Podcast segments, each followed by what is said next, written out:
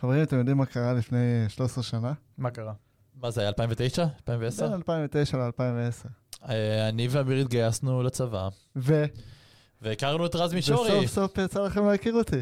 נכון. איזה... הכרנו ב-81 במודיעין. אפשר סודי, לדבר על סודי. זה, אפשר לדבר על זה. אה, אז מה, זה כאילו 13 שנים בדיוק? כן. מרגש. מרגש מאוד. יופי. מי ידע. מי ידע שאנחנו נגיע ל- ל- לכאן, ל- ל- להקליט פודקאסט. אז אנחנו מקליטים פרק חדש. זה תמיד כיף. ועל מה הולך להיות? היום אנחנו מארחים על את, איך הכרתם את רז מישורי? זה לא הולך להיות הפרק. על מה הולך להיות רון? אנחנו שקר. מארחים את עומר אמזל, אה, שהוא? שהוא Head of Web 3 Products, Web שלוש. ב Fireblocks. Fireblocks חברה ענקית. ענקית, וואו. נכון, אחת החברות הקריפטו הכי גדולות בעולם, וכמובן ישראלים, כבוד. כבוד, כבוד. נגענו קצת בנושא שהם עושים. הם- נגענו בקריפטוגרפיית MPC בפרק על, אה, עם אוריאל אוחיון על ZenGo, הם נכון. לוקחים את זה לכיוון שונה, במקום ללקוחות, קצה, כלומר אנחנו, הם לוקחים את זה למוסדות. בואו נתחיל. אהלן חברים וברוכים הבאים לעוד פרק בפודקאסט Proof of Talk. פודקאסט על בלוקצ'יין ומטבעות דיגיטליים בעברית. בעברית. בעברית. אני רז מישורי, לידי נמצא אמיר גפני. שלום לכולם. שלום אמיר גפני. מהצד השני נמצא רונה גפני. אני מתרגש. שלום רונה גפני. ואנחנו? חברי חברי הפודקאסט. רגע, רגע, רגע, לפני שמתחילים, ראיתם כמה הקריפטו עלה ביומיים שלושה האחרונים? לא מעניין. לא מעניין זה- אותנו? לא, זה לא אה, פודקאסט על כסף, זה על טכנולוגיה. נכון. ומדברים על כסף, כסף, כסף. כל מה שאנחנו אומרים כאן הוא לא עצה פיננסית, הכל למטרות בידור ולימוד. היום מצטרף אלינו עומר אמזל. עומר הוא ראש מוצרי Web 3 ב Fireblocks, הוא בעברו יזם, הוא מנהל מוצר במגוון חברות הייטק. אהלן עומר, מה נשמע? אהלן אהלן, שלום שלום. תוכל לספר לנו קצת על Fireblocks? בטח, ב- בשמחה. אז Fireblocks, על אף ה... אולי הסנטימנט בשוק היא עדיין חברת סטארט-אפ, בערך בת ארבע וחצי שנים, סך הכל. החברה במהות שלה מספקת תשתיות ארנק מאוד מאובטחות לחברות. אנחנו עסק אה, B2B, אנחנו מוכרים, אה, מוכרים לחברות.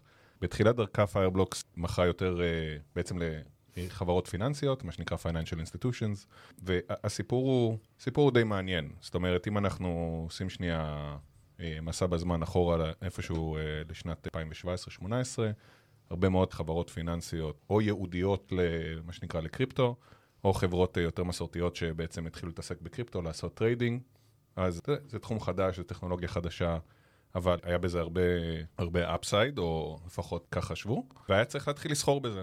מה הדבר הבסיסי ש... שצריך כדי לסחור בקריפטו? ארנק. ואז בעצם הטכנולוגיה או, או המוצרים שעמדו לרשות החברות האלה זה היה נניח MetaMask או איזה Ledger, ואז מה שקורה זה שנניח אם משתמשים ב MetaMask אז פתאום אה, חברות שיתפו את המפתח הפרטי שלהם באיזה Excel sheet או משהו כזה, כן? שזה כמובן big no no, ומעבר לזה יש גם כל מיני תהליכים שצריכים אה, לתמוך בהם ברגע שאתה מתחיל להתעסק בקריפטו. ואז בעצם נכנסה Fireblocks עם, אה, עם טכנולוגיית ה-MPC, שאפשר לדבר על זה יותר מאוחר, למרות שאני מאמין שאוריאל היה פה, הוא בטח... הוא- זה נכון. כן, אוריאל היה פה, נדבר עדיין על MPC, כי זה תחום מעניין, וגם פיירבלוקס משתמשת בו בצורה טיפה שונה. נכון, אז, אז בעצם אה, מה, מה ש... בוא נגיד in a nutshell, מה ש-MPC מאפשר לך לעשות זה בעצם לא אה, לשמור את המפתח הפרטי בשום שלב בזמן במקום אחד, ובעצם להעלים את ה-single point of failure של, מפתח פרטי. ואז מסביב לטכנולוגיה הזה בעצם נבנו עוד, עוד שירותים ועוד אה, עוד פיצ'רים, שבסופו של דבר מה שהחברות האלה קיבלו זה בעצם איזשהו אה, ממשק. מאוד מאוד נוח, מאוד מאוד מאובטח, כדי להתעסק ב- בכל מה שקשור בקריפטו. אני אתן דוגמה מאוד פשוטה, נניח אתה אומר, אני לא רוצה אה, לבצע מסחר של מעל, לצורך העניין, 100 אלף דולר ביום. עם המערכת של Fireblocks אתה בעצם יכול לבוא ולהגיד, עד 100 אלף דולר ביום אני אה, מאשר, מעבר ל-100 אלף דולר אני לא מאשר. ובעצם מה שהטכנולוגיה גורמת לעשות זה בעצם לבנות תהליכים כאלו ואחרים שהם, אה, קצת מכירים את זה מכל מי שניהל עסק. מכירים את זה קצת מהבנק, שאתה אומר, רגע, אני צריך לעשות העברה, מי המורשה חתימה, איך הוא חותם וכל מיני דברים כאלה. באמת בקצרה, בעזרת הטכנולוגיות של MPC ובעזרת האפליקציה ש... שאנחנו נותנים, הפך את התהליכים האלה להרבה יותר פשוטים, הרבה יותר מוסדרים וגם הרבה יותר בטוחים אה, לאותן חברות שהתפתחו ככל שגם אנחנו התפתחנו והיום אה, נחשב די סטנדרט בתעשייה. מי הם אותן חברות, לדוגמה? חברות גדולות זה מי שאני מניח שהמאזינים אה, מכירים את, אה, את עולם הקריפטו די טוב, אבל חברה כמו גלקסי, שהיא של מייק נובוגרץ לצורך העניין, אה, שהיא אחת מה-OTC דסקס הכי גדולים בעולם לקריפטו, ובאמת בקליבר הזה של, של חברות כאלה, יש לנו היום מעל 1,400 לקוחות שהם... חלקם הגדול הם מוסדות פיננסיים, לא מזמן הוכרז שאנחנו בעצם, המערכת שלנו, התשתית שלנו תומכת ב... Bank of New York Mellon, שזה הבנק הכי גדול בעולם, הוא בעצם בנק של בנקים. אה, לצורך העניין, אחד הלקוחות שלו זה ממשלת ארצות הברית. אני חושב שכיום יש להם 25 טריליון דולר ב-assets under custody. והם ענקים מבחינת אופרציה ו security, צריך את הסטנדרט הכי גבוה, אה, ובעצם הם רצים על, ה- על התשתית של Fireblocks. מעניין, דווקא BNY Mellon זה סוג של תמיד היה מבחינתי סימן שהבנקים בארצות הברית, גם אם בנק כזה גדול, הוא נכנס לקריפטו, זה סימן טוב. כן, תראו, זה מתקשר הרבה למצב שאנחנו נמצאים בו היום אה, מבחינת השוק, אנחנו באיזה crypto winter ואיזשהו bearish market ו... ספציפית ליום ההקלטה דווקא טיפה עלה. כן, בסדר. אני מסתכל על הסנטימנט הכללי, נכון, נכון. אה, ואני חושב שמהניסיון שלי, ספציפית ולדעתי גם של החברה, זה בדיוק דווקא התקופות שהחברות היותר גדולות, המוסדיים, יותר נכנסים פנימה ופועלים כדי לבנות את התשתית, כי בעצם כש, כשהמחירים נורא יקרים אז הכל יקר, וגם אתה מפחד שבעצם תקשור את עצמך לאיזשהו מין כזה, איזה הייפ, או מין כזה איזשהו אה, bull market, ו, ואז כשזה נופל, אז כאילו כל הפרויקטים האלה אה, נסגרים, אז בכוונה הם מתחילים קצת יותר מהתחתית, ואז בונים את עצמם לקראת bull market, אבל עם BNY, אני חושב שזה טיפה שונה, כי זה ממש, ממש תשתיתי. זאת אומרת, זה בעצם בנו את האפשרות לעשות custody לקריפטו. בסדר? בלי קשר עכשיו מי הולך לבוא, מה הולך להשתמש, אבל ממש הבסיס של הבסיס של הבנק, כמו שהוא מחזיק כסף, כן? כמו שהוא מחזיק פיאט, הוא יוכל להחזיק גם קריפטו. פשוט לבנות את התשתית הזאת. אחרי זה מה עושים עם זה, איזה use cases משרתים עבור הלקוחות, זה כבר דיון שהוא יותר מתקדם. אז BNY כחלק מהלקוחות, הם בעצם אומרים, טוב, הפתרון של פיירבלוק זה הפתרון הכי בטוח מבחינתי להחזיק המון המון קריפטו של לקוחות, נכון? כן, אז אני חושב ש... תראה, אני לא בא להתהדר ו- ולהגיד שזה הכי טוב, למרות שזה כן, סתם. אבל הנקודה היא שככה בלייפספן של, של עסק, והדרך ש Fireblocks עברה והגודל שלה היום, אה, אנחנו מעל 630 עובדים, ואני חושב שהתהליכים, בגלל שצברנו כל כך הרבה mileage עם, עם המוסדות הפיננסיים האלה, אז, אז אתה צריך ללכת למי שיש לו הכי הרבה ניסיון בתחום. אז אני חושב שיש לנו גם אחר בניסיון בתחום, וגם אנחנו מאוד מאוד oriented ל security, לא רק MPC, גם כל דבר שאנחנו מוצאים וכל feature שאנחנו מוצאים הוא מאוד oriented ל security. אז אני חושב שזה נותן את הנחת שאם יש חברה שמסוגלת לעשות את זה, הרי אה, שזאת תהיה Fireblocks. איך כל עולם ה Web 3 בא לידי ביטוי עם כל הדברים האלה שתיארת עכשיו? אז שאלה מצוינת. אז מה שאנחנו רואים ב Web 3, תראו, אני, אני אגיד איזשהו משהו... אה, אולי חצי פילוסופי. לכל דבר שאתה עושה על גבי בלוקצ'יין, אתה חייב wallet, כן? אתה חייב, נקרא לזה יותר אבסטרקטי, אתה חייב איזה Key Management Solution. אתה לא יכול לעשות כלום על הבלוקצ'יין אם אין לך כתובת. אתה לא יכול לעשות שום דבר און-צ'יין אם אין לך דרך לחתום על טרנזקציה און-צ'יין. ואין לך דרך לחתום על טרנזקציה אם אין לך משהו ש... איזה Key Management Solution, איזה ארנק, בסדר? אנחנו יכולים, יכולים להתווכח מה זה ארנק, בסדר? נכון. ארנק יכול להיות האדרס שלך, ארנק יכול להיות גם סט הפיצ'רים שנותן לך לעשות דברים על גבי הבלוקצ'יין, בסדר? זה הדבר הכי בסיסי, והדבר הכי בסיסי הזה נכון לחברות כמו BNY מלון, וזה נכון גם לחברות גיימינג שעושות משהו בווב 3. אז אנחנו חברה ששוב, במהות שלה היא חברת ארנק, היא חברת ארנק מאובטח מאוד. אז המעבר הוא לא מעבר כזה קיצוני ברמה הטכנית, כן? המעבר הוא יותר תפיסתי של חברות גם קטנות וגם גדולות, שלא מזהות את עצמם בתור אה, איזשהו אה, עסק פיננסי, יבואו ל Fireblocks כדי לבנות את זה. עכשיו, איפה זה מתקשר? אז אני אומר, יש משהו מאוד אה, שלפעמים קצת נזנח, ואולי אפשר לגעת את זה יותר בהמשך. אני אומר, גם לצורך העניין, מן הסתם אני אגיד לך עכשיו, תיקח, תשים 100 ביטקוין או 1,000 ETH על הארנק שלך, אתה תגיד, אוקיי, אני בלחץ, אני צריך משהו שיהיה מאוד מאוד מאובטח. מצד שני, אתה הולך לחברות גדולות, brandים גדולים, ששמים אפילו איזה token contract, on chain, זה גם שווה הרבה כסף, לאו דווקא בגלל שה-NFT עכשיו יהיה, פתאום יגיע לירח, כן?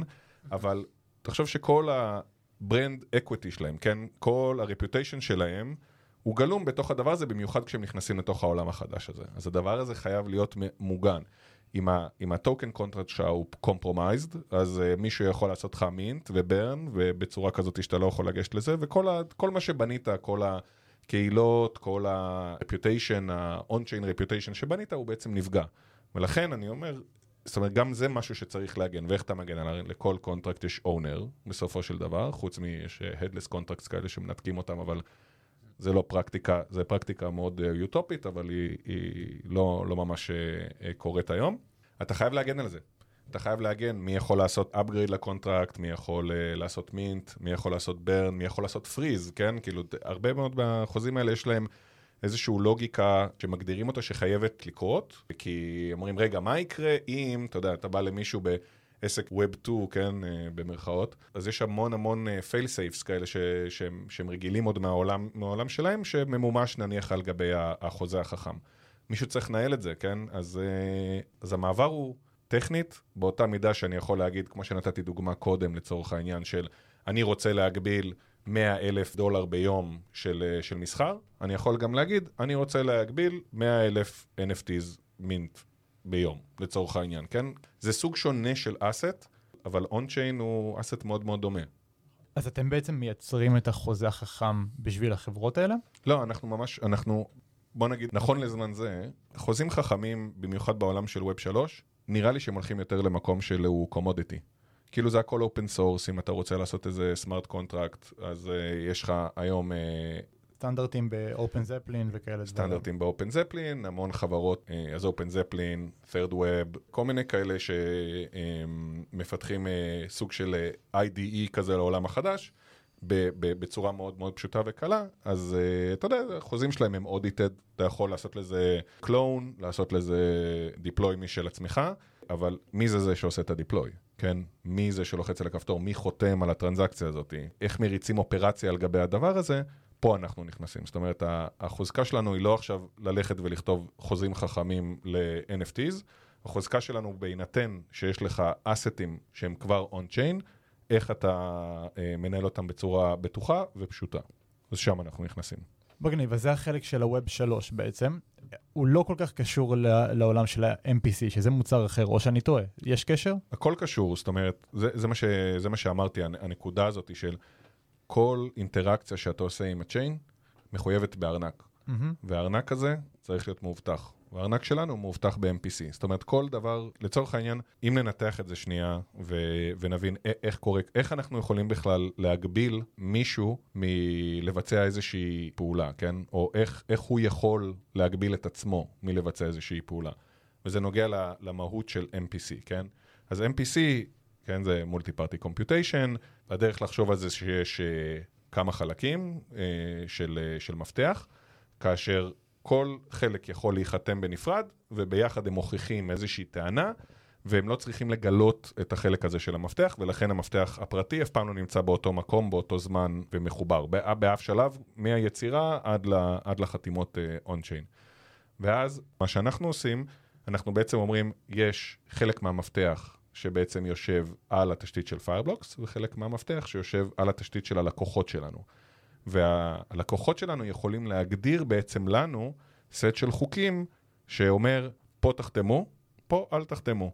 אני, אני יכול לחתום, אבל אני מגדיר, אה, אנחנו קוראים לזה Transaction Authorization Policy, או בקיצור TAP, שתחשבו על זה כמו firewall, אם יצא לכם פעם להתעסק בהגדרות של firewall, אם קורה, אם זה, כן, אם, אם לצורך העניין עם הפורט הזה, אז ת, תעשה allow, עם הפורט הזה תעשה deny, עם הזה, אז, אז תחשבו את זה קצת על, על סטרואידים כזה, שאומר עבור כל דבר, אם, uh, אם זה יוצא מהארנק הזה שיש לי, אז תחתים את, לא יודע מי, כן? אם זה יוצא מהארנק השני, תחתים את גיא, אם זה זה, זה תחתים את עומר. לצורך העניין, בכל סט של חוקים, לפי דולר value, לפי כמות של, ה, של הטוקן הזה, ובעצם מה זה אומר? זה אומר, מגיעה טרנזקציה, תנתח אותה, תראה מה היא אומרת, תעביר אותה דרך כל הסט של החוקים הזה, ואם היא עוברת אז תצא לחתימה, ואם היא לא עוברת תכשיל אותה. ואז בעצם נותן לך את הגמישות הזאת. אז אני אומר, כמו שהגמישות הזאת תקפה בוודאי לעולם הפיננסי ולהגבלות של מסחר, היא גם תקפה לעולם ה Web 3.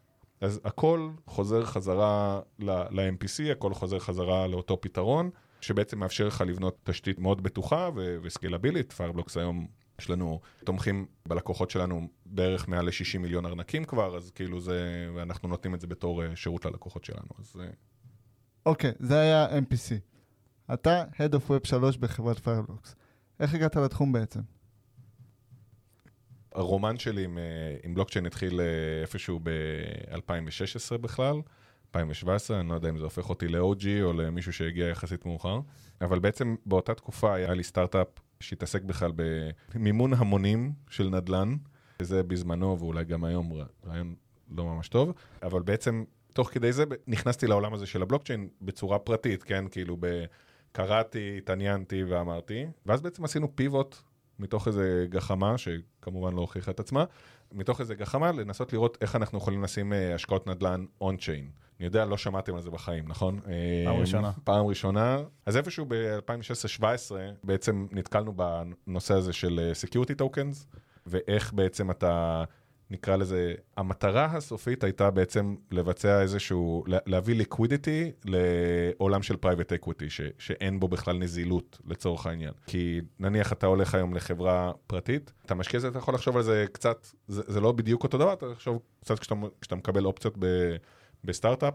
ונניח אתה מממש את האופציות האלה, ואז אין, אין מסחר, נכון? אין שוק, החברה לא מונפקת. אה, אולי אתה יכול לצפות לסקנדרי שיגיע מאיזשהו, אה, מאיזושהי השקעה, אבל אתה יכול לדמיין, במיוחד היום בעולם של, של DeFi ו-AMMs וכל מיני דברים כאלה, אגב, שלא היו קיימים באותה תקופה, אבל בנינו שאולי זה יקרה באיזשהו שלב, יכול לקבל טוקן שמייצג את, ה... אופציה שלך בעצם בחברה. את הבעלות שלך בחברה, ואולי מישהו יהיה מוכן בעצם לתת לך כסף עבור הדבר הזה. זה לאו דווקא כדי להתעשר ולעשות על זה מכפילים, אלא פשוט לספק ליקווידיטי, כי מה שקורה זה שבהרבה מאוד מההשקעות הפרטיות האלה, במיוחד במודל שאנחנו רצינו, שזה כאילו לקחת קצת כסף מהרבה אנשים, תמיד יש לך איזה אחוז סטטיסטי של אנשים ש, שצריכים לצאת. הוא, לא בגלל שהם לאו דווקא לא מאמינים בפרויקט, פרויקט יכול להיות 3, 4, 5 שנים, כן? אבל הם צריכים את הכסף. והם מוכנים אפילו לספוג קצת מה, מהדבר הזה. ואז אתה אומר, אוקיי, אם אני אצור איזשהו ליקווידיטי כזה, את הטוקנים שלי מייצגים חד-חד ערכית את ההשקעה, אז אני יכול לעשות איזשהו מסחר עבור הדבר הזה ולא להתעסק. כי האמת היא שהחברות שבדרך כלל מגייסות את הכסף, עושות את זה כי הם צריכים כסף, והמיומנות שלהם היא בכלל ללכת ולבצע פרויקטים, במיוחד בנדל"ן. זאת אומרת, כל הקטע של לגייס כסף זה, זה, זה ממש, sorry, pain in the ass. ובמיוחד כשמגיע אליך משקיע, ואומר, אני רוצה להחליף, ואז אתה צריך להתחיל להתעסק, למצוא לו מישהו אחר שיחליף אותו, וזה הסכמים אה, זה, ואז אתה אומר, אוקיי, רגע, אם ה ownership של הדבר הזה הוא ללא ספק שייך לאותו בן אדם שיש לו את הארנק הזה, אז ההחלפה של הדברים האלה היא יחסית, יחסית פשוטה. אז שם בעצם, נקרא לזה, התאהבתי בקונספט הזה של, של ownership, התאהבתי בקונספט הזה של, אה, מן הסתם, של בלוקצ'יין בטכנולוגיה. והיום אתה בעצם ה-Head of uh, Product של Web 3 ב Fireblocks. כן, היום אני ה... נקרא Head of Web 3, אז אני יותר מתעסק ב... באסטרטגיה של אה, איך Fireblocks בעצם אה, נכנסת ל... לעולם הזה של Web 3, אחרי שבאנו מהעולם של אה, מוסדות פיננסיים, וכל מה שקשור לאיך נראה השוק, מי השחקנים המובילים, לאן אנחנו רואים את זה הולך, כל הדברים האלה זה משהו ש... זה התפקיד היומיומי שלי. ובתור זה, מה, מה אתה רואה שהדברים הכי מעניינים באלפ... בשנה שעברה, מה שאתה רואה עכשיו, איפה אתה שם את העיניים שלך? מעניין כאילו מה אתה חושב על... ואיך אתה רואה את זה גם אחרי הנפילה טיפה של ההייפ שהייתה בעצם. אני אגיד כזה דבר, קודם כל זה תחום שהוא סופר מעניין. אני אגיד משהו כאילו מאוד uh, כזה, מאוד bullish, ואז אפשר כזה קצת לחזור אחורה. אין היום חברה בעולם, אין היום brand גדול, שלא חושב על האסטרטגיה שלו בתוך, uh, בתוך העולם הזה שנקרא Web 3. אין, אין. אמירה חזקה, כן, אין, אם אתה מגבה את זה. נראה לי שבתור ה-head of uh, כן. וזה, בתור מי שעושה שיחות כל יום. אז ככה הוא אה, מדבר. אתה יכול- גם לקרוא, לשמוע את זה בעיתונות. לא, אבל הוא יודע יותר. כן. בוא, בוא, בוא נראה מה... אה, חלק מהדברים המגניבים שקרו ב... כן ב-2022. נייקי יצאו עם ה drop שלהם. אדידס יצאו עם ה-into the metaverse שלהם. רדיט הכניסו את ה-PFPs, כאילו את ה... כן. ש- ש- של ה-NFTs לתוך האפליקציה שלהם. זה היה משהו נראה קצת דמיוני לפני שנתיים ושלוש, כן? ושלא נדבר, אה, למשל, Ticketmaster Live Nation. עשו איזשהו פיילוט עם ה-NFL על ticket stubs. מי שהיה באיזושהי הופעה, ב- ב- במשחק של ה-NFL, קיבל מייל, היה יכול לעשות claim ל ticket stub שלו, כאילו מה, מהמשחק. חברות כמו Autograph, שעושות digital collectibles כזה של, אה, אה, של שחקני ספורט, אני יודע מה, טייגר וודס ו... ועוד כל מיני כוכבים גדולים. אני אומר, יש מומנטום, כן? סטארבקס יצאו עם ה... עכשיו עם ה Odyssey, נייקי העמיקו עוד יותר את, הדריסת רגל שלהם בתוך אה, העולם הזה של, של Web 3 עם הדוט סווש שהם עכשיו אה, אה, עושים, אז...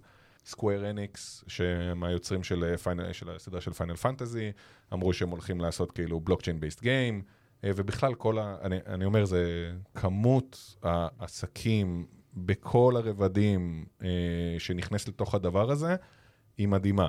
עכשיו, צריך, כן, אני לוקח את זה שנייה, אני שנייה מסייג את זה. אה, מן הסתם יש הרבה הייפ בדבר הזה, וצריך לחלק את זה בסוף בערך לשני בקטים.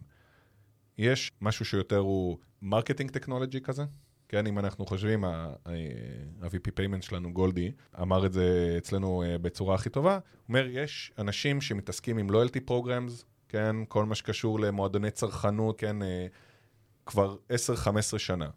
לא קרה כלום טכנולוגי חדש בעולם הזה, אתה יודע, זה אותם אנשים מתעסקים עם ה... loyalty points וה loyalty programs ואיך אני גורם לאנשים לקנות את הכרטיס אשראי שלי ואיך אני נותן לו נקודות ואיך אני נותן לו בונוסים וכל מיני דברים כאלה. לא, לא קרה כלום, כאילו, זה, נהיו יותר אה, יצירתיים בכל הדברים האלה, אבל, אבל לא קרה כלום מבחינה טכנולוגית, ופתאום יש איזו טכנולוגיה מגניבה של ownership ו engagement ו community שהם יכולים פתאום, זה כאילו עוד איזה stack שהם יכולים uh, עליו לבנות. כן, וזה כאילו מגניב אותם, כן? עכשיו, להגיד שזה...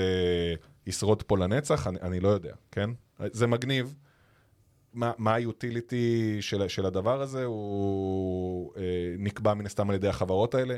כמה הם הצליחו להכניס אנשים לתוך העולם הזה של, של כאילו בלוקצ'יין, ארנקים, עניינים, דברים כאלה. לא יודע, אני, אני חושב שבסופו של דבר זה יהיה, אבל אני אומר, זה, זה נחמד, זה תעשייה מאוד מאוד גדולה, אבל יכול להיות שהם גם יעברו לדבר הבא, כן, עוד mm-hmm. איזה שנתיים-שלוש. בסדר? זה, זה bucket אחד שהוא כאילו של marketing ו loyalty וכל הדברים האלה, שיש לזה, כן, אנחנו רואים המון המון דוגמאות של זה. ה bucket השני, זה bucket לדעתי יותר מגניב, אבל שייקח לו טיפה יותר זמן, זה ה bucket של מין utility כזה, כן? נניח אה, יש לנו אה, לקוח בשם TravelX, אה, מה שהם עושים, הם עושים טוקניזציה של כרטיסי טיסה. אוקיי. Okay. בעצם אומרים, אתה קונה כרטיס טיסה, זה בצורה של NFT, אחרי זה את ה-NFT הזה אתה יכול לסחור בו. זאת אומרת, אתה יכול, אה, אתה יכול למכור אותו לאנשים אחרים, אתה אומר, אוקיי, אז למה לא עושים את זה היום, כן? בגדול, בחוזה החכם יכולים להבטיח שה, שהחברת תעופה מקבלת אחוזים. זאת אומרת, היום לא עושים את זה כי אתה יכול אה, להתחיל לסחור בזה, למכור, חברת תעופה זה בשבילה סתם אוברהד של לשנות את השם על הזה ופה ושם, ועכשיו... שוב, זה, זה, אני לא רוצה כן לצאת בהצהרות ולהגיד שזה, שזה בוודאות יקרה, אבל זה מגניב פתאום שאתה יכול לקחת את הדבר הזה, שוב, ה-ownership הוא לא משהו שהוא מוטל בספק, וההחלפה הזאת, אתה יכול גם להבטיח ממש בצורה אה, טכנולוגית, ש, שהחברות תעופה יקבלו דלתא כזו או אחרת, אגב, שהן מגדירות על גבי המכירה, הקנייה והמכירה של הכרטיסים. וזה קורה, זאת אומרת, הם כבר החתימו לדעתי בין אה, 16 ל-20 חברות תעופה, הם עובדים רק כרגע רק עם איזה דרג ב' כזה, אבל... אה, אבל הם הולכים, הולכים להתפתח. זאת אומרת, כל הקטע הזה של ה utility, ואז אפשר לקחת את זה למקומות של, אה, של כל ticket, שאתה יכול לעשות הופעות, עניינים, דברים כאלה. כן, אפשר לדבר גם על royalties ו creator economy, שזה גם דבר שהוא מאוד מעניין ואפשר לעשות לו embed אה, בתוך החוזה החכם, בלי שאתה צריך לסמוך על אף אחד ש, שיעשה את זה. זה ה bucket של ה utility. אני חושב שייקח לו טיפה יותר זמן, ויש משהו שהוא כאילו קצת באמצע, שלדעתי הוא ה... אה, לדעתי האישית, הוא מה שיקח את התעשייה הזאת קצת ל, לרמה יותר גבוהה, או כאילו לאדופשן יותר מהיר, mm-hmm. שלדעתי זה תעשיית הגיימינג. זה, זה לדעתי, שם נמצא איזשהו משהו מאוד מאוד מעניין. אני כן אסייג ואגיד שאני לא חושב שאף אחד פיצח את זה עדיין, אבל שם לדעתי יש איזה... הרבה מנסים. הרבה גייסו המון כסף שנה שעברה. נכון, גם חברות ישראליות. כן, אני חושב שמה קראתי, גייסו ב-2022 7.1 מיליארד דולר. לחברות ווב uh, 3, כש-60% מזה זה בתעשיית הגיימינג. אז, uh, אז נכנס לזה הרבה כסף. יש, אני בעוונותיי uh, ועדיין uh, גיימר, אז אני, העולם הזה איכשהו יש בו איזה קליק, ויש לנו, כאילו, יש גם דוגמאות שאפשר לחשוב עליהן שהן קצת כמו זה, רק כאילו בלי הטכנולוגיה של, של בלוקצ'יין, אם אנחנו חושבים על, סתם, אני משחק Counter-Strike, אז כן. אחד מה, מהדברים שקורים שם זה ש... אתה מקבל כמו איזה loot boxes כאלה, אתה משלם על מפתח, אתה פותח את זה, בסוף יוצא לך איזה skin, מהמם. עכשיו יש פתאום סקינים ממש נדירים. כבר בתוך Steam, שזה מי שבנה את זה זה Valve ו Half-Life וכל נכון. הזה, יש marketplace, Steam marketplace, ואתה יכול למכור את ה skin שלך, ואנשים קונים את זה בכסף, כאילו אתה ממש משלם על זה, משלם על זה כסף והכל אה, זה. ואני אומר, הסקרסיטי, הקהילה שיש מסביב לזה גורמת ל- לערך של כל הדברים. יש שם, יש שם דברים, כן, כאילו פסיכיים לגמרי, סקינים של סכינים שנמכרים ב, אתה יודע, מאות אלפי שקלים, אז יש לזה הוכחה. שוב, אני אומר, אני תמיד מנסה להסתכל על דברים בצורה מאוזנת. יש להם ערך בזה שהם שומרים על זה כ- כמשהו סגור בתוך ה... כי ככה הם עושים כסף, כן? ואז לפתוח, יכולים להגיד למה, למה שמישהו ירצה בכלל. לפתוח את זה. כן, מה האינטרס? הם, לדעתי, לא יפתחו את זה, אולי עד שזה יהיה מאוחר מדי וכולם יהיו כבר על איזושהי פלטפורמה אחרת שהיא פתוחה, אבל חברות חדשות בעצם מקבלות עם ה... ו- וזה היופי של הדבר, הן מקבלות יחד עם הבלוקצ'יין, וכן, צריך לעשות את זה בצורה טובה, וזה לא כל אחד יכול לעשות את זה, וזה, נראה פרויקטים נכשלים, ו- ורג פולים, וכל מיני דברים כאלה, אבל אתה מקבל כלים לבנות איקונומי. זאת אומרת, אתה פתאום בסט הכלים שיש לך בתור מפתח, שאגב, לא צריך להיות איזה גאון, אתה פתאום מקבל כאילו תשתית economy אה, לבנות על המשחק שלך. אתה יכול שסקינים נדירים יהיו NFTs, ושה gaming item שלך יהיו ERC 1155, שזה כאילו semi-fungible tokens כאלה. ואתה יכול לבנות in-game currency, ואז על, על בסיס ה in-game currency הזה אתה יכול אה, לעשות אה, AMM pool ולקשר את זה אז ל-ETH או לאיזה stablecoin, ושיהיה לך off-ramp ו on-ramps, כאילו, זה, זה מדהים, כאילו, הארגז כלים הזה שאתה מקבל, ואתה לא צריך לעשות את הכל, כן? out of the box, פשוט ככה. אה, ממש, יש פשוט עסקים ש, ש, שמתעסקים, כאילו, יש אה, חברות ש, שמתעסקות בליצור את ה economies האלה לעולמות של DeFi, אבל ה asset שאתה מביא, אתה יכול גם להביא כאילו NFTs ו-Semi-Fungible Tokens ו-In-Game Currency. שוב, ייקח זמן, בסדר? בטח. אני לא זה, אבל זה כאילו משהו מגניב שאתה חושב על זה. כן, אני, אני. גם, אני גם מאוד אוהב את התחום. אה, אני חושב שהבעיה בו עכשיו זה שאנשים התרגלו למושג שנקרא play to earn, שדיברנו על זה בעונה קודמת, ומה שאני רואה עכשיו יותר זה שמשחקים אומרים, אוקיי, זה לא חייב להיות play to earn, זה גם יהיה באמת משחק אמיתי. כי שחקנים רגילים של ווב 2 קצת לא אוהבים את, ה- את הקונספט של אני, מה, אני משחק או שאני מרוויח כסף? זה מרגיש כמו עבודה. אבל זה משהו שנראה לי ייפתר. זה, זה צריך רק הצלחה אחת. תראה, כשהסתכלנו שנייה על, ה, על התחום הזה של הגיימינג ו Web 3, זה מין מחולק לפאזות כאלה. הראשונים, הראשונים שבעצם באו ו, וניסו, היו מה שנקרא crypto natives. אם אתה זוכר, אני חושב שמה שהתחיל את כל הדבר הזה, ויכול להיות שהיה גם לפני זה, אז אני אה, מצטער, אבל כאילו כל ה CryptoKitties שהיה בזמנו, כן. שעשו congestion מטורף על ETH, הם בעצם באו מהעולם הזה של כאילו tokenomics, ו... ואיך עושים, ועכשיו אולי על זה נלביש איזה משחק.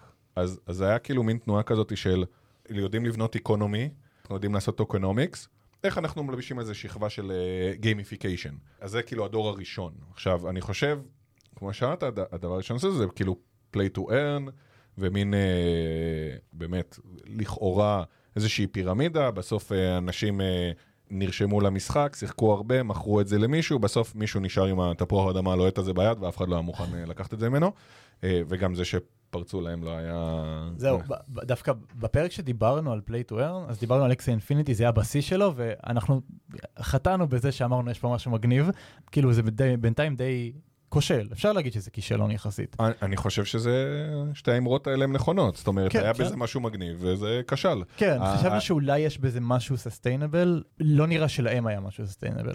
כן, אני, תראו, הפריצה בוודאי לא עזרה להם, כי הם איבדו את, ה, את ה trust, ואנחנו יודעים שבתעשייה הזאת אתה חייב את ה trust של האנשים, אה, למרות שאנחנו בסביבת trustless, אבל אה, ה reputation שלך יש לו המון, ו, ואם פרצו לך אז אנשים פשוט יעברו לדברים אחרים.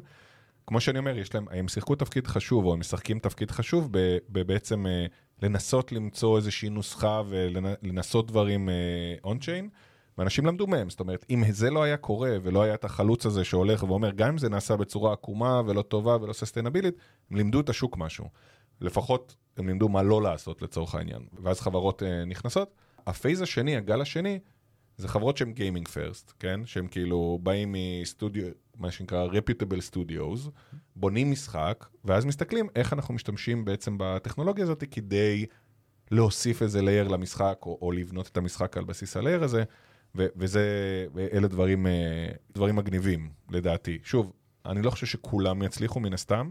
האני מאמין שלי, שבמרוצת השנה, שנתיים הקרובות, יהיה לפחות איזה משחק אחד או שניים, שאולי אפילו אנשים, החברים שלנו שמשחקים בזה, לא יודעים שיש בכלל איזה בלוקצ'יין מאחורה, אבל uh, יעשו את זה בצורה מספיק טובה וייתנו את ה-value. אני חושב שזה מביא, זה מאוד מדבר לאתגרים שיש היום ב- בעולמות האלה של Web 3. כאילו, מה האתגרים הגדולים, ולמה לא כולם uh, קופצים ישר uh, ככה פנימה וישר למים העמוקים. ואני חושב שזה חלק מזה, זאת אומרת, ההנגשה היום, בסוף אם אתה, אם ניקח שנייה עוד פעם את אקסי כדוגמה. בזמנו כשרצית לקנות אקסי, היום לא בטוח שיש מישהו שרוצה, אבל... אה, הייתי צריך להיות שלושה, נכון. היית צריך לקנות שלושה, אבל עזוב שנייה, מה הם סט הפעולות שהיית צריך לבצע כדי לקנות? כמובן לפתוח ארנק, להשיג לפתוח איתריום. בדיוק, לפתוח ארנק באיתריום, נכון. נכון. לעשות און רמפ, כנראה בזמנו זה היה פחות, אגב, פחות אה, אה, מוצלח מהיום שיש לך חברות שממש נותנות לך און רמפ עם כרטיס אשראי. Mm-hmm. און רמפ, כן, אנחנו, אה, כן, הצופ- המאזינים יודעים מה זה און רמפ, שלוקחים פיאט, מעבירים אותו לקריפטו. כן, אה, עכשיו יודעים. סבבה. כן. אז, אז היום זה יחסית נוח, אנחנו רואים את זה, אבל בגדול היית פותח ארנק משלך, אחרי זה היית הולך לפתוח account ב exchange. ה account ב exchange זה לא סתם לעשות sign up עם אימייל וסיסמה, זה לעבור נכון. תהליך של KYC, ש- know your customer, שזה מי שעשה את זה מכ- מכיר, זאת אומרת, בוא תשלח פספורט ותעודת זהות ואת הספח. ולעשות אה, סלפי, ואולי לעלות לאיזה שיחת וידאו, אה, זה כאילו הולך והחמיר, ורק כדי בסוף לעשות איזה on-ramp, אחרי זה לעשות withdraw של, מהאקסצ'יינג שלך ל-ETH, להשתמש בברידג' של Ronin. בין, בין ETH ל Ronin, שהיום אנחנו יודעים מה קרה שם, ואז לפתוח Ronin wallet, לעשות sign up כאילו ל Axie Infinity, לקשר בין הדברים האלה ולקנות. נשמע כיף. על האיסטר, אני אומר, כן. באמת, בגדול, כאילו רק ספרנו עכשיו איזה, כן, משהו, לא רק שהוא לוקח הרבה זמן, הוא לא לכל אחד, כאילו, ממש לא. לא. אף אחד לא יעשה את זה, אז, אז כאילו אני אומר, זה, ה-on-boarding, כל התהליך הזה, הוא משהו שהוא נמצא במרכז של Web 3. איך אנחנו הופכים את זה להיות קל, איך ההורים שלנו יכולים אה, בסופו של דבר אה, להשתמש במוצרים האלה, בלי עכשיו, היי, תזכור seed phrase, ותוריד את ה Chrome extension, ותעשה כזה, וכאילו כל הדבר, תחתום על כל דבר. זה מין כזה פרדיגמה קצת אחרת, שייקח ל laymans, כאילו, לזמן להיכנס אליו. ולכן צריך דברים שמגשרים, לא סתם מדברים הרבה פעמים, אנחנו נותנים חוויה של Web 2.5 ו- וכל מיני דברים כאלה. אני חושב שהיום באמת הבעיה המרכזית היא שמצד אחד חברות מבינות את ה-value שזה יכול להביא להם, מצד שני ה-onboarding הוא כל כך frictioned, ולא רק זה, גם יש לזה צד רגולטורי מאוד בעייתי נקרא לזה, ומאתגר, שאותו כן. צריך לפתור. אז אני חוזר עכשיו ל Fireblocks. Fireblocks דיברנו על העניין של, הרי מייצרת ארנק, דיברנו בעיקר נגיד על אבטחה. האם אתם גם באים לפתור את העניין של נגישות? האם אתם רוצים להיות, לעזור, נגיד למשחקים, שיהיה אפשר לפתוח בקלות ארנקים אה, שם בלי שהשחקנים ידעו? או שזה לא מה שאתם באים לפתור בעצם? ח- חד משמעית כן. כן. זאת אומרת, כמו שאמרתי, חלק מהתשתית שאנחנו נותנים, בגלל שאנחנו תשתית ארנק, אנחנו גם נותנים את היכולת לך לפתוח ארנקים, אה, שוב, זה יכול להיות עבור העסק שלך, אבל גם עבור המשתמשים שלך. זאת אומרת, חלק, חלק מחברות הפינטק הכי גדולות בעולם, משתמשות ב Fireblocks כדי בעצם לנהל את הארנקים של המשתמשים שלהם. זאת אומרת, הגענו ל scale אה, מאוד גבוה, שאתה בעצם יכול לעשות את כל הנושא הזה, איזה מין back-end to back-end כזה, שאתה אומר, כחלק מהתהליך ה onboarding אני בעצם פותח לו ארנק, הוא יכול, אני יכול להעביר לשם כאילו נכסים דיגיטליים, בלי שה... אגב, בלי שהמשתמש יודע בכלל שיש לו ארנק או אין לו ארנק. עכשיו, זה תלוי בכמה אתה רוצה לחשוף את הדבר הזה למשתמשים שלך, אבל בהחלט, עם, ה... עם התשתית שלנו, עם הפלטפורמה שלנו, אז אתה בעצם יכול יחסית בקלות, כי שוב, הכל אצלנו זה, יש API, יש זה, כל, ה... כל הדברים הרגילים, אבל אתה יכול בעצם, חלק מהיתרונות שלנו זה אנחנו יכולים לספק חוויה מאוד טובה, ואתה תבחר כמה אתה רוצה אה, בעצם להראות למשתמש שלך את החלק הזה של הבלוקצ'יין.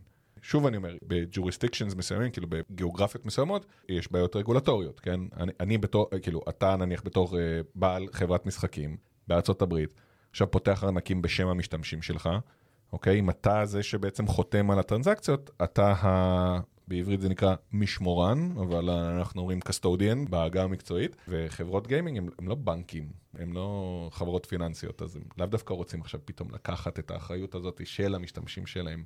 על גבי זה, ואז שוב, יש פתרונות לדבר הזה, כן, יכולים לעבוד עם custodian אה, אחר, ושמשתמש בטכנולוגיה שלנו כדי לעשות, אז יש פתרונות לדברים האלה, זה עוד איזשהו פער הסברתי שצריך לעבור, אבל אה, מבחינת חוויה, חד משמעית החוויה יכולה להיות אה, מאוד seamless עבור הלקוחות של הלקוחות שלנו.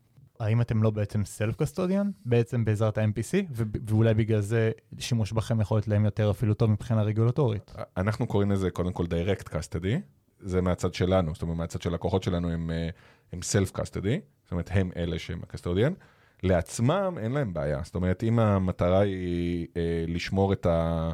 מה שנקרא את ה treasury שלהם ולנהל אותו בעצמם, זה לא בעיה, אין לך מגבלה רגולטורית, כל אחד יכול להיות אחראי על הכסף שלו, אין, אין שום בעיה. בשנייה שהם בעצם מרימים ארנק ללקוח שלהם, ל user שלהם, וה user הזה לצורך העניין מקבל NFT, הם צריכים להיות regulated. הם, הם דה פקטו, נכון, אם, אני, אם מישהו שומר על ה-NFT בשבילך, אז כמו exchanges, כמו בנקים, זה צריך להיות רישיון מסוג מסוים. יש דרכים, שוב, גם שם לעשות איזשהו אה, משחק ולהגיד, אתה לא יכול לשמור ETH, או זה מוקפא באופן אה, אוטומטי, או כל מיני דברים כאלה. אתה יכול לשמור עליהם מבחינה רגולטורית. אה, מצד שני, זה, שוב, זה מאוד מאוד תלוי איפה החברות האלה אה, נמצאות במסע שלהם לכיוון ה-Web 3, ואיך אתה יכול להנגיש להם את, ה, את המידע הזה ואת הטכנולוגיה. לסיום, אה, עומר, אני רוצה לשמוע ממך, איפה אתה רואה את Fireblocks בחמש, עשר שנים הבאות? איך אני רואה את Fireblocks בעוד, אני, בדגש על אני, רואה את Fireblocks בעוד חמש עד עשר שנים, אז קודם כל, איזה מין פלטפורמה שבה אנשים יכולים להגיע מכל עסק שהם, שהם לא רוצים. ולקבל איזה full stack של business, כן?